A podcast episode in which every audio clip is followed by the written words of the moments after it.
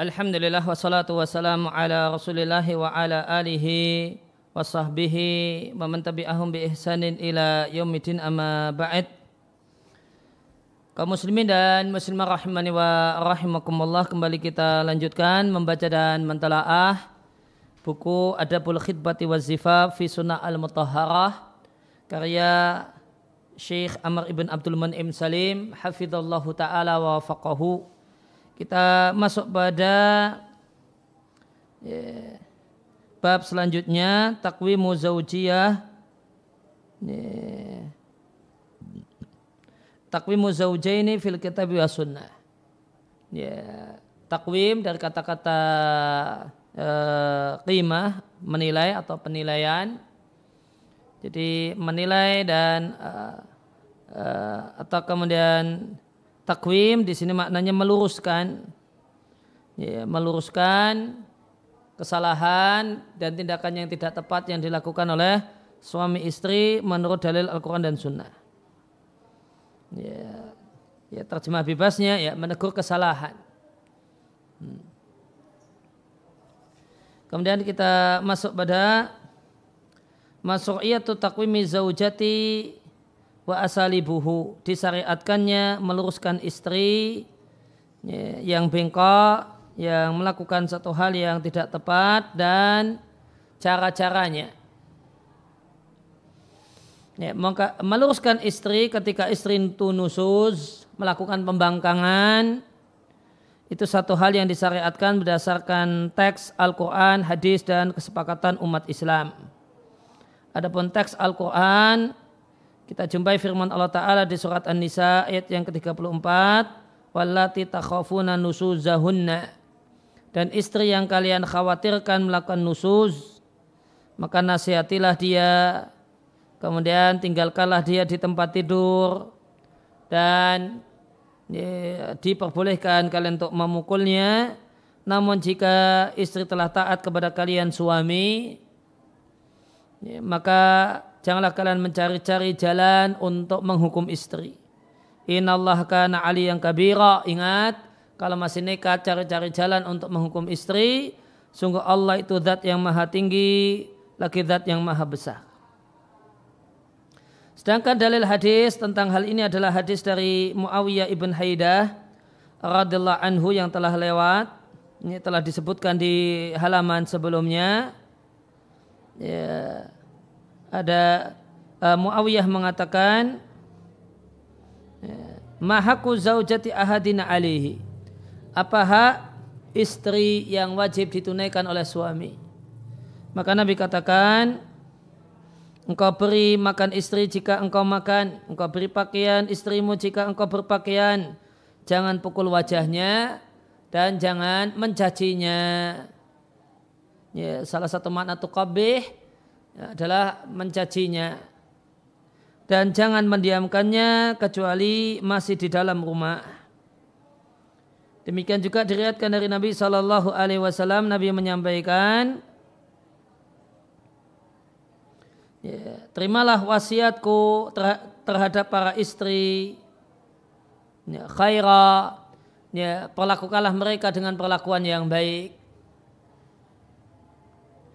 fa innama hunna awanin awan, uh, awanin indakum maka istri itu seakan-akan tawanan ya, di tangan kalian para suami.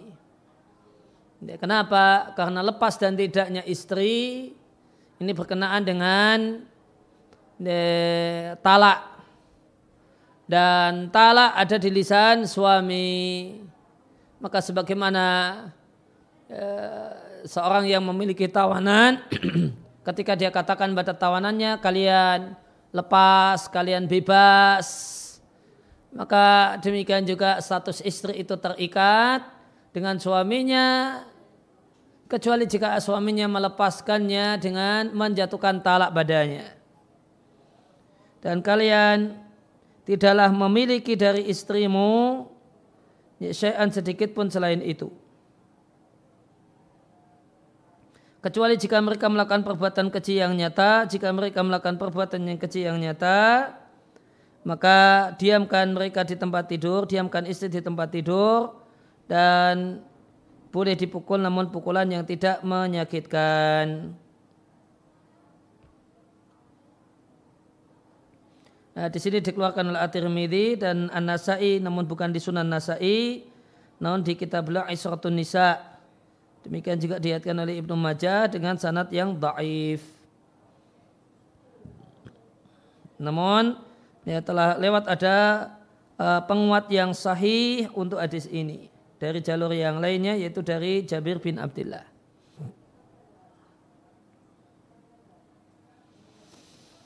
Ya, wal ahadisu fi hadzal babi katsiratun.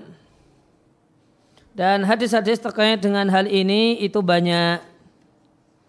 Kemudian watakwimul mar'ati meluruskan istri tidaklah dinilai bentuk merendahkan martabat istri atau mengurangi kemuliaannya sebagaimana yang digembar-gemborkan ya, ya digembar-gemborkan dilaris maniskan oleh sebagian ya, al-mutahawisina min adail islami sebagian musuh-musuh Islam.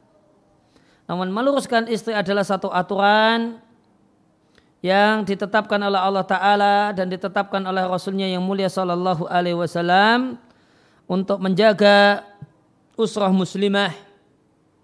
Rumah tangga seorang muslim jangan sampai minta kalubatil ahwa ya, terjaga dari ya, berbolak baliknya hawa nafsu dan keinginan dan perbedaan karakter jangan sampai goncang dikarenakan perbedaan karakter dan dikarenakan uh, ya, hawa nafsu dan keinginan yang berubah-ubah.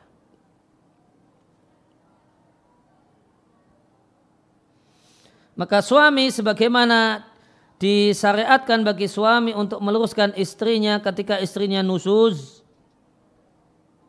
hmm.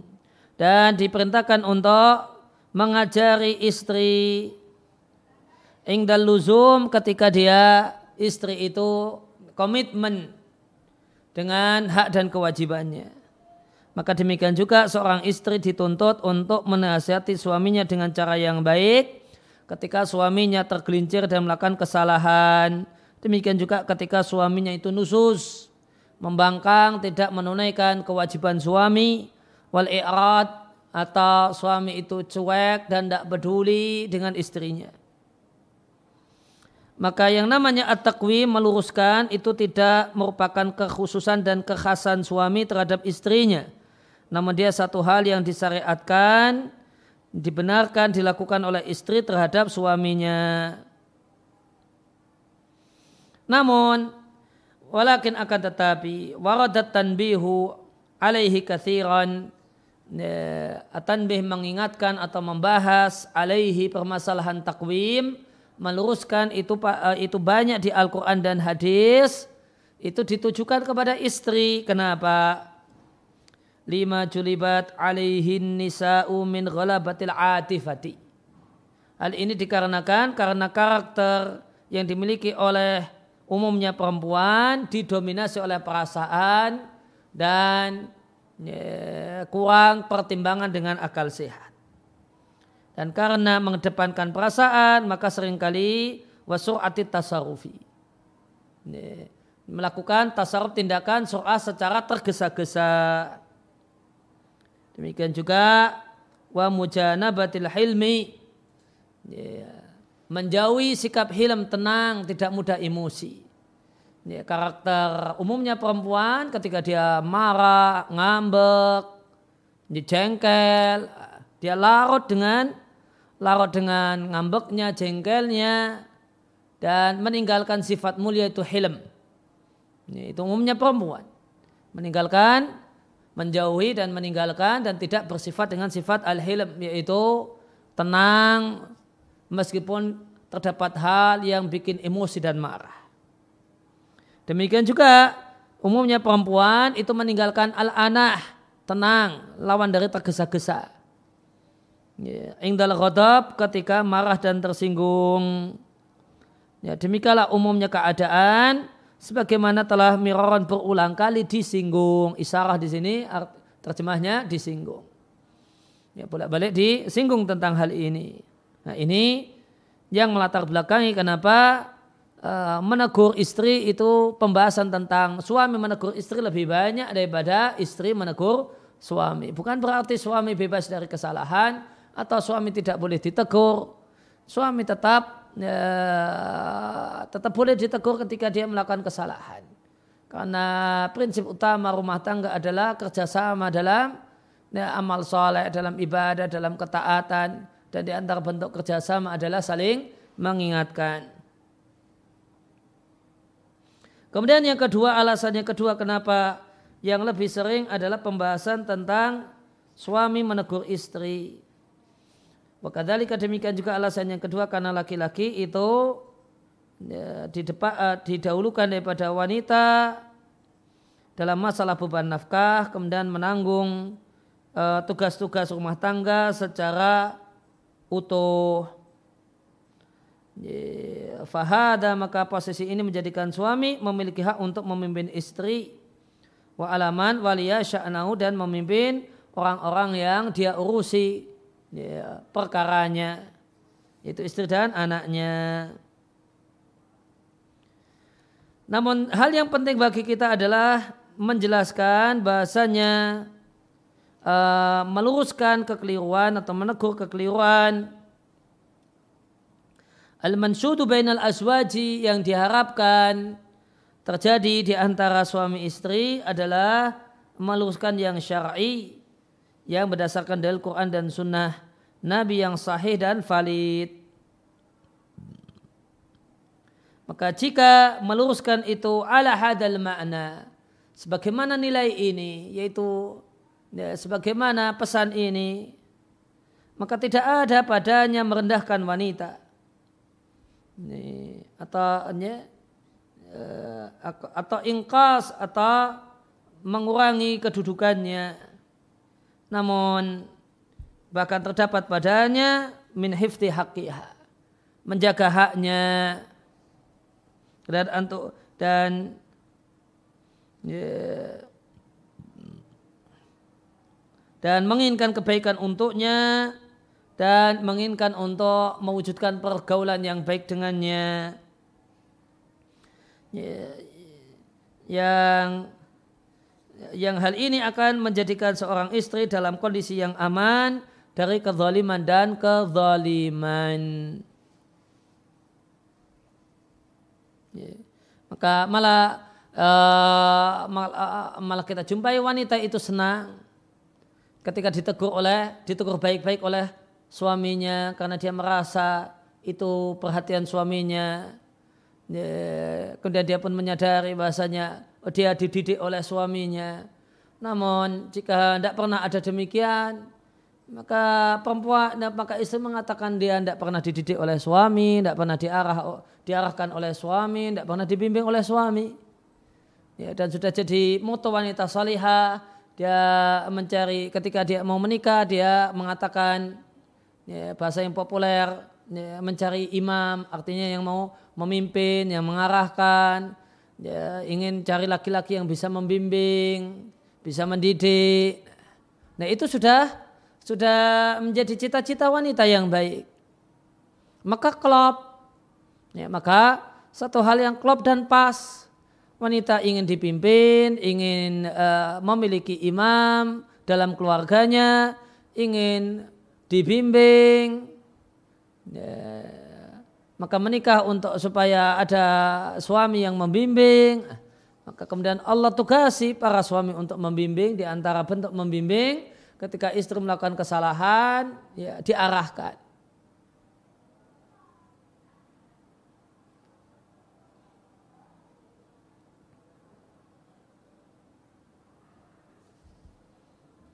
Ya. Uh, ya, itu nanti akan maka meluruskan kesalahan istri itu manfaat jika dalam koridor at-taqwim asyari meluruskan sesuai dengan ya, batasan-batasan dan koridor syariat. Bikhilafi man yata'ana lain halnya dengan orang yang melakukan pelurusan kepada istrinya namun dengan pukulan yang menyakitkan ya, kemudian cacian yang menyakitkan atau mendiamkannya, memboikotnya dalam rangka menyusahkannya atau membiarkan yang gantung sehingga seperti tidak menjadi istri namun juga tidak dicerai atau mengkhianatinya atau kemudian bentuk-bentuk yang lainnya yang diikuti di zaman ini diikuti oleh banyak suami. Fahada wa ainu zulmilaha maka ini adalah 100% kezaliman untuk istri wa ainul ibtidali dan eh, 100% adalah ya, menghinakan istri. Maka dikarenakan istri adalah bagian yang sangat penting sekali dalam sebuah keluarga dan rumah tangga maka dia mengalami apa yang dialami oleh semua manusia. Ya, ada kelemahan ada menyimpang dari uh, sikap yang benar dalam sebagian keadaan ada marah demikian juga ada pembangkangan maka ini satu hal yang normal sebagai manusia kemudian ada kemudian pelanggaran, pembangkangan, ini normal sebagai manusia. Di sinilah pentingnya saling mengingatkan, pentingnya kerjasama. Ya, pentingnya saling mengingatkan, pentingnya kerjasama dalam kebaikan. Walimakanat hadil amratu wal afatu. Karena penyakit dan penyakit ini perlu diterapi dengan terapi yang cepat. Ya, yang mengingatkan seorang istri yang muslimah yang tunduk, yang beriman tentang vitalnya kembali kepada ya, ya, kondisi hati yang jernih dan keindahan seorang wanita wa mithaliyatiha dan idealisme mithali itu idealis. Mithalia idealisme yang diharapkan bahkan idealisme yang sudah dikenal. Karena al-amru asyari maka ketentuan syariat menunjukkan demikian vitalnya meluruskan istri ya, suami meluruskan istri takwimi zaujilah suami meluruskan istri dengan cara meluruskan yang syar'i sehingga cara meluruskan yang syar'i ini posisinya terhadap penyakit-penyakit ini adalah mauki adawa iminada sebagaimana posisi obat untuk menterapi penyakit. Hirsan alaiha sebagai bentuk antusias. Sebagai bentuk antusias menginginkan kebaikan bagi istri dan keluarga istri. Untuk istri dan keluarganya maka dalam bab ini kita akan mengenal fikih yaitu aturan main dalam malas, uh, dalam masalah meluruskan istri dan ketentuan-ketentuannya menurut Al-Quran wa al-mutahharah dan hadis-hadis Nabi sallallahu alaihi wasallam.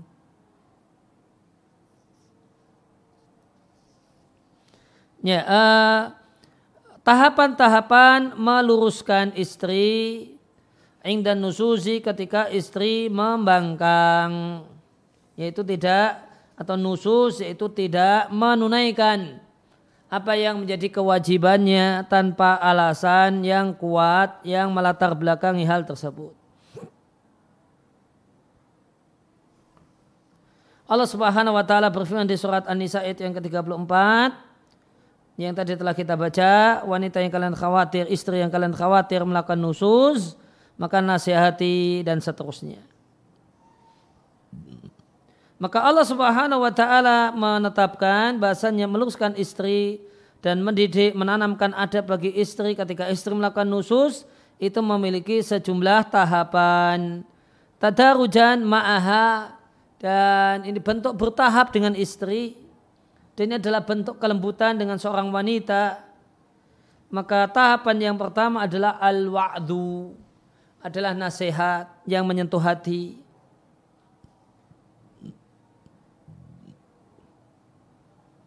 Sebagaimana firman Allah Ta'ala, hunna nasihatilah istrimu. Nasihatilah, ya, maka berikanlah nasihat kepada istri. Nah, nah, di bab ini, bab takwim, meluruskan istri, di sinilah nanti akan nampak sangat urgennya ya, menikahi wanita solihah. dan sial dan celakanya seorang suami yang ketika menikah hanya mengejar cantik tanpa menimbang istrinya tersebut salehah ya, ataukah tidak. Ini nanti akan kentara sekali betapa pentingnya, betapa besarnya manfaat ya, meminang dan memberi istri wanita salihah ketika terjadi hal semacam ini.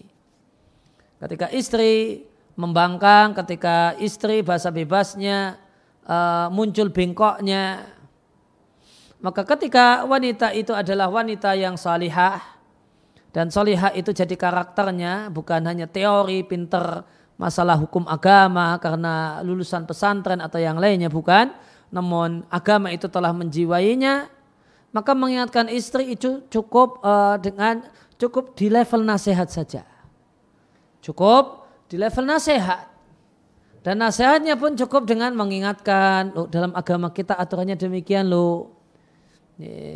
Materi pengajian yang pernah disampaikan oleh Ustadz itu demikian loh. Seperti ini, seperti ini. Udah cukup, dia akan istighfar, dia akan ketika keliru dia akan istighfar, dia akan ya, menangis, bahkan minta maaf kepada suaminya. Ini kalau ya, kalau uh, nikah dengan wanita solihah. Lain hanya kalau yang diburu sebagaimana yang diburu oleh banyak laki-laki cantiknya, namun memperhatikan kurang memperhatikan sisi agamanya. Ya. Maka dia akan mengatakan uh, ketika dinasiti baik-baik, kemudian pakai agama, pakai dalil. Ya, bukannya menerima dalil, namun ya, dia akan mengatakan jangan bawa-bawa dalil, Jangan bawa-bawa Al-Quran hadis di dalam masalah ini. Cuma sekedar memelegalkan nafsumu. Ah, atau kalimat-kalimat kejam yang lainnya.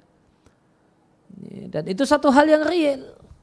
Ya, kita maka ini bukan contoh kira-kira ada namun satu sebuah kenyataan. Ya, maka di sinilah nanti akan terlihat jelas betapa indahnya dan betapa besar manfaatnya kalau orang itu tidak salah pilih. Demikian juga ya, manfaat besar uh, ketika seorang istri, seorang wanita itu mencari suami yang ya, saleh, suami yang ngerti agama. Ya, dia akan ketika suaminya keliru dinasihati, dia akan kemudian ngeyel, namun dia akan menyadari kesalahannya, istighfar, dan minta maaf kepada Allah dan dan minta maaf kepada istrinya jika itu mengandung kesalahan dengan istri. Cukup diingatkan dengan dalil, cukup diingatkan dengan nasihat, asalkan dengan cara-cara yang benar, cara-cara yang tetap uh, tidak merendahkan seorang suami sebagai suami. Hmm. Maka selesai di uh, seluruhnya selesai di dataran nasihat. Nah gimana nasihat itu? Wal wa'du dan yang namanya nasihat yakunu bitarhibi wa tarhibi dengan memotivasi dan menakut-nakuti. Dan tidak termasuk dalam nasihat al-fahishu minal qawli. Perkataan yang jelek semacam cacian, wa ta'yir, celaan, wal buhtan, bahkan kebohongan.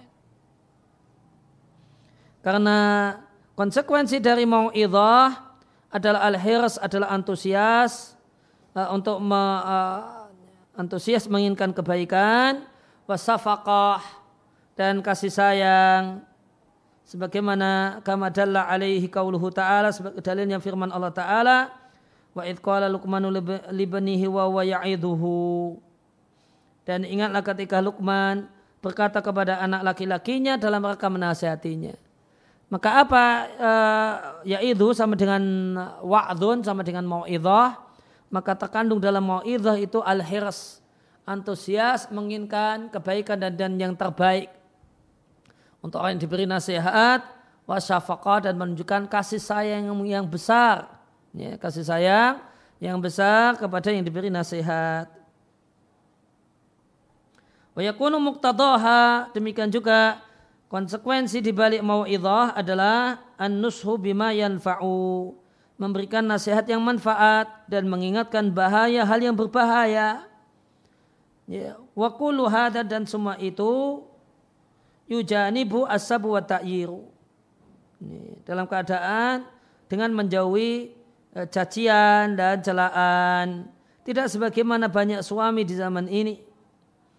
Ya, idang tasobuli nusi nisaihim. Ketika dia memposisikan diri menasihati istri atau istri-istrinya uh, berikan nasihat untuk istri atau liwa'dihinna atau memberikan mau'idhah kepada istri maka banyak suami ini menimbangkan untuknya minas sibab celah cacian yang caciannya demikian pedas la tahtamilu imra'atun afifah. Ya, cacian yang tidak tertahankan bagi seorang wanita yang menjaga kehormatan.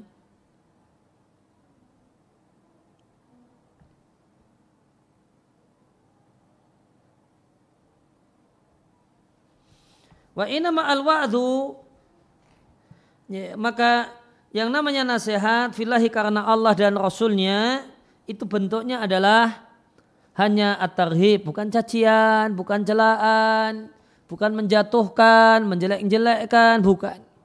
Namun bentuknya adalah at-tarhibi wa tarhibi dalam memotivasi dan menakut-nakuti fihima dengan Allah dan Rasulnya dan menjelaskan ma yajibu antakuna ali al mar'atu.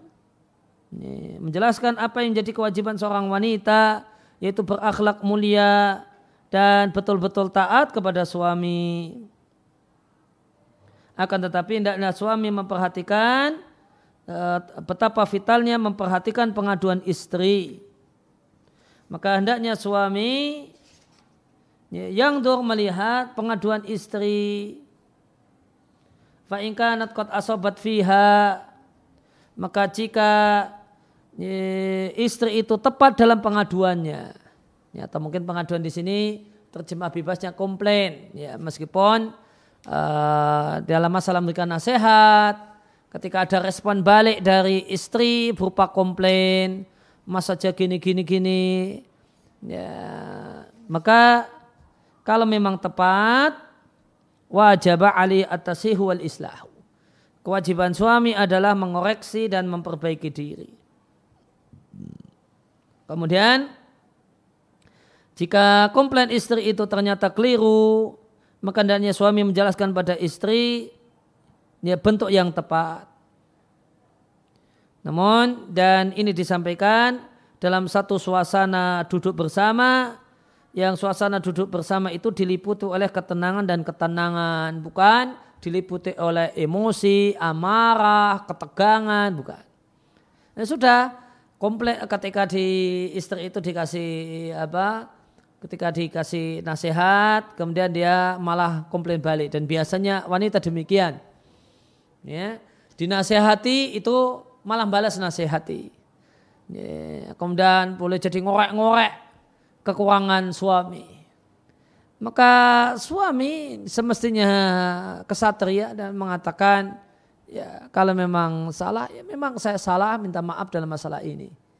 Ya, dalam masalah ini dan itu. Ya, kemudian namun jika komplainnya istri itu tidak benar, ya, serangan balik dia itu tidak benar, maka disampaikan oleh penulis ya silahkan nanti jelaskan mana yang benar, dan maka beliau beliau syaratkan namun dalam suasana penuh keakraban, ketenangan, bukan dalam uh, suasana penuh emosi, penuh kejengkelan.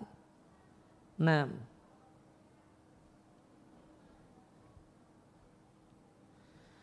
Ya, bal yudariha maka hendaknya seorang suami pandai mengambil hati istrinya sebagaimana perintah Nabi kepada para sahabat dan kepada semua umatnya setelah ya, mimba'di setelah wafat ya, setelah Nabi. Hina qal ketika Nabi sallallahu alaihi wasallam menyampaikan almar'atu kadila'i. Wanita itu seperti tulang rusuk. Jika engkau luruskan maka berarti engkau mematahkannya. Jika engkau menikmatinya maka engkau menikmatinya dalam keadaan dia itu bengkok. Kemudian satu nasihat yang sangat bagus dari penulis kepada para suami famah maro aminha min su'in fi lahadati maka ketika seorang suami melihat istrinya itu keadaannya adalah keadaan uh, yang jelek, ucapan yang jelek, perbuatan yang buruk di detik-detik emosinya. Ya, jadi maka ketika istri itu marah, ya, kok jengkelin sekali ya. ya marahnya kok dirasa kebangetan, keterlaluan, ya, caciannya pedas dan sebagainya. Karena larut dengan perasaannya dan emosinya. Maka gimana sikap suami? Tadakarolaha husnaha. Maka hendaklah suami mengingat-ingat cantiknya istrinya.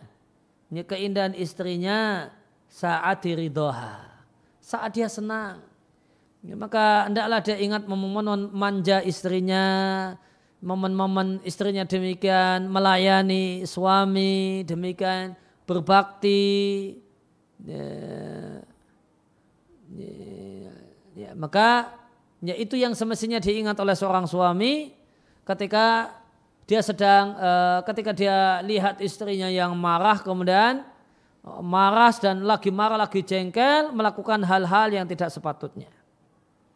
Sebagaimana sabda Nabi Shallallahu Alaihi Wasallam, la yafraku mu'minun seorang laki-laki seorang suami hendaknya tidak membenci mukminatan istrinya, in kariha minha khuluqan radhiya minha akhar.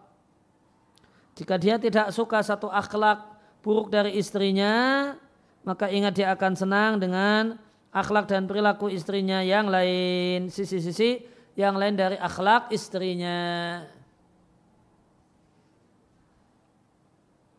Artinya ketika menemui hal-hal yang tidak sedap, hal-hal yang menjengkelkan dari istri, maka ingatlah hal-hal yang positif, sisi-sisi indah, ketaatan istri, kemudian pelayanan istri yang memuaskan, yang sangat menyenangkan, baik di masalah ranjang ataupun yang lainnya. Itulah yang diingat-ingat supaya jengkel karena melihat sikap istri atau ucapan istri itu rasa jengkelnya kurang. Namun ketika lagi jengkel sama istri kemudian malah diingat momen-momen dia demikian uh, perilaku-perilaku buruk yang lainnya. Sehingga kemudian semuanya dikumpulkan jadi akumulasi gabungan dari ini semua maka jengkel di hati hanya akan tambah jengkel Sabda Nabi Shallallahu Alaihi Wasallam la yafraku mu'minatan artinya la yuberidu janganlah membenci Janganlah suami membenci istrinya. Ya, maka satu nasihat indah sekali di paragraf berikutnya. Maka seorang muslim yaitu seorang laki-laki, seorang suami al-kayis yang yang cerdas akan mengingat-ingat sisi-sisi indah dan kebaikan istrinya. Jika nampak di hadapan suami sisi-sisi jelek istrinya, Kemudian dia akan mengambil hati istrinya sebagaimana yang diperintahkan kepada para suami. Dia akan bertutur kata yang lembut kepada istrinya. Dan dia tidak akan sebutkan kepada istrinya hal yang jelek, uh, satu hal yang buruk atau hal yang jelek. Atau dia tidak akan sampaikan pada istrinya hal-hal yang hanya akan membuat dia marah. Atau hanya akan menambah pembangkangan istri. Nah demikianlah sikap suami yang cerdas, suami yang bijak, suami yang akil, suami yang berakal. Ya, maka kata kunci sebenarnya kata kunci keluarga itu ayam tentram tenang. Ya, penuh, uh, itu kata kuncinya adalah al-aklu. Ya, mengedepankan pertimbangan akal sehat.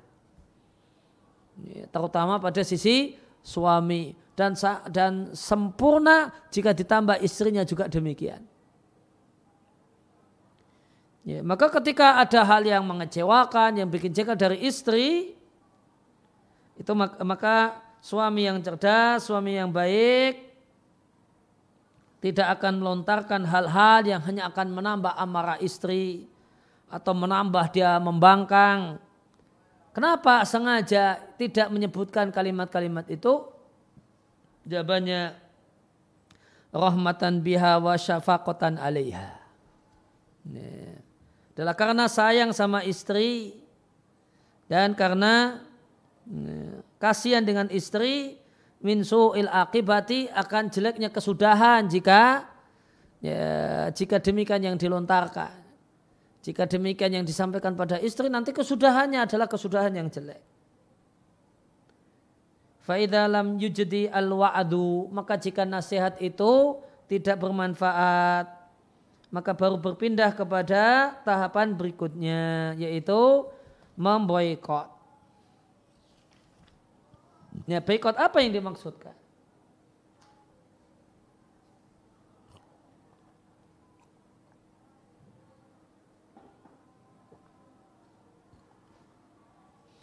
Maka Allah Ta'ala berfirman, Wahjuruhunna fil madaji, diamkan dan boikotlah istri di tempat tidur. Maka diperselisihkan tentang pengertian boikot dalam ayat ini. Pendapat yang pertama, bitakil kalami ma'ahunna, tidak ngomong sama istri, didiamkan. Dalam enggak berbicara, namun masih serumah. Yang kedua, bitakil jima'i wa ma yusbihuhu. Terutama istri yang punya kebutuhan biologis yang ya, yang besar. Ditambah suami ini memiliki beberapa istri. Maka bisa menempuh boykot dalam bentuk tidak mengumpuli istri dan hal-hal yang serupa dengan itu. Tidak mendekatinya, tidak mencumbunya. Ya.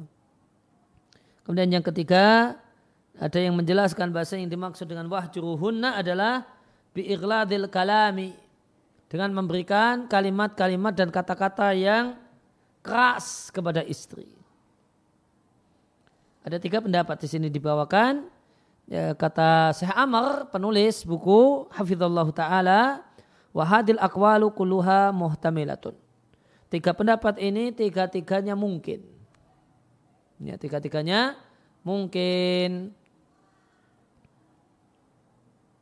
Wa ala nisai ala darajatin dan pengaruh dari uh, hajar ini bagi para istri itu bertingkat-tingkat.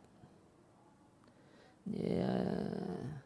Ada istri yang ya, ngefek dan berpengaruh padanya manakala diboykot dalam masalah ranjang.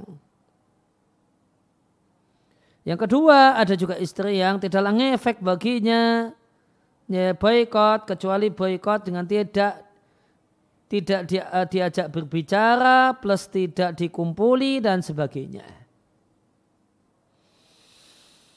Ya, jadi maka menurut pendapat penulis tiga-tiganya bisa benar. Ya, hajar dalam dia, dalam pengertian tidak dijak ngomong atau dalam pengertian tidak dikumpuli atau dengan uh, adanya kalimat tegas yang diberikan oleh suami kepada istri.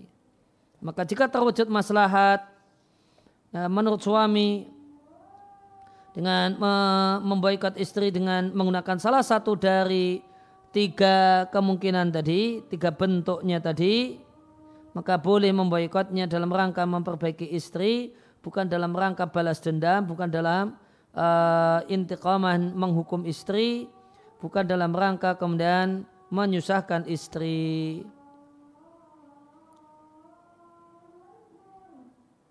Ya, namun ingat, perhatikan, ya, niatnya adalah islahan laha dalam rangka terwujudnya kebaikan bagi istri. Ya, demikian yang kita ya, baca dalam kesempatan ya, kali ini wasallallahu ala nabiyina Muhammadin wa ala alihi wasallam wa ruda'ana alhamdulillahi rabbil alamin. Ya subhanakallahumma wa bihamdika asyhadu an la ilaha illa anta astaghfiruka wa atubu ilaik. Wa jazakumullahu khairan wallahu barik fikum. Saya pamit nggih.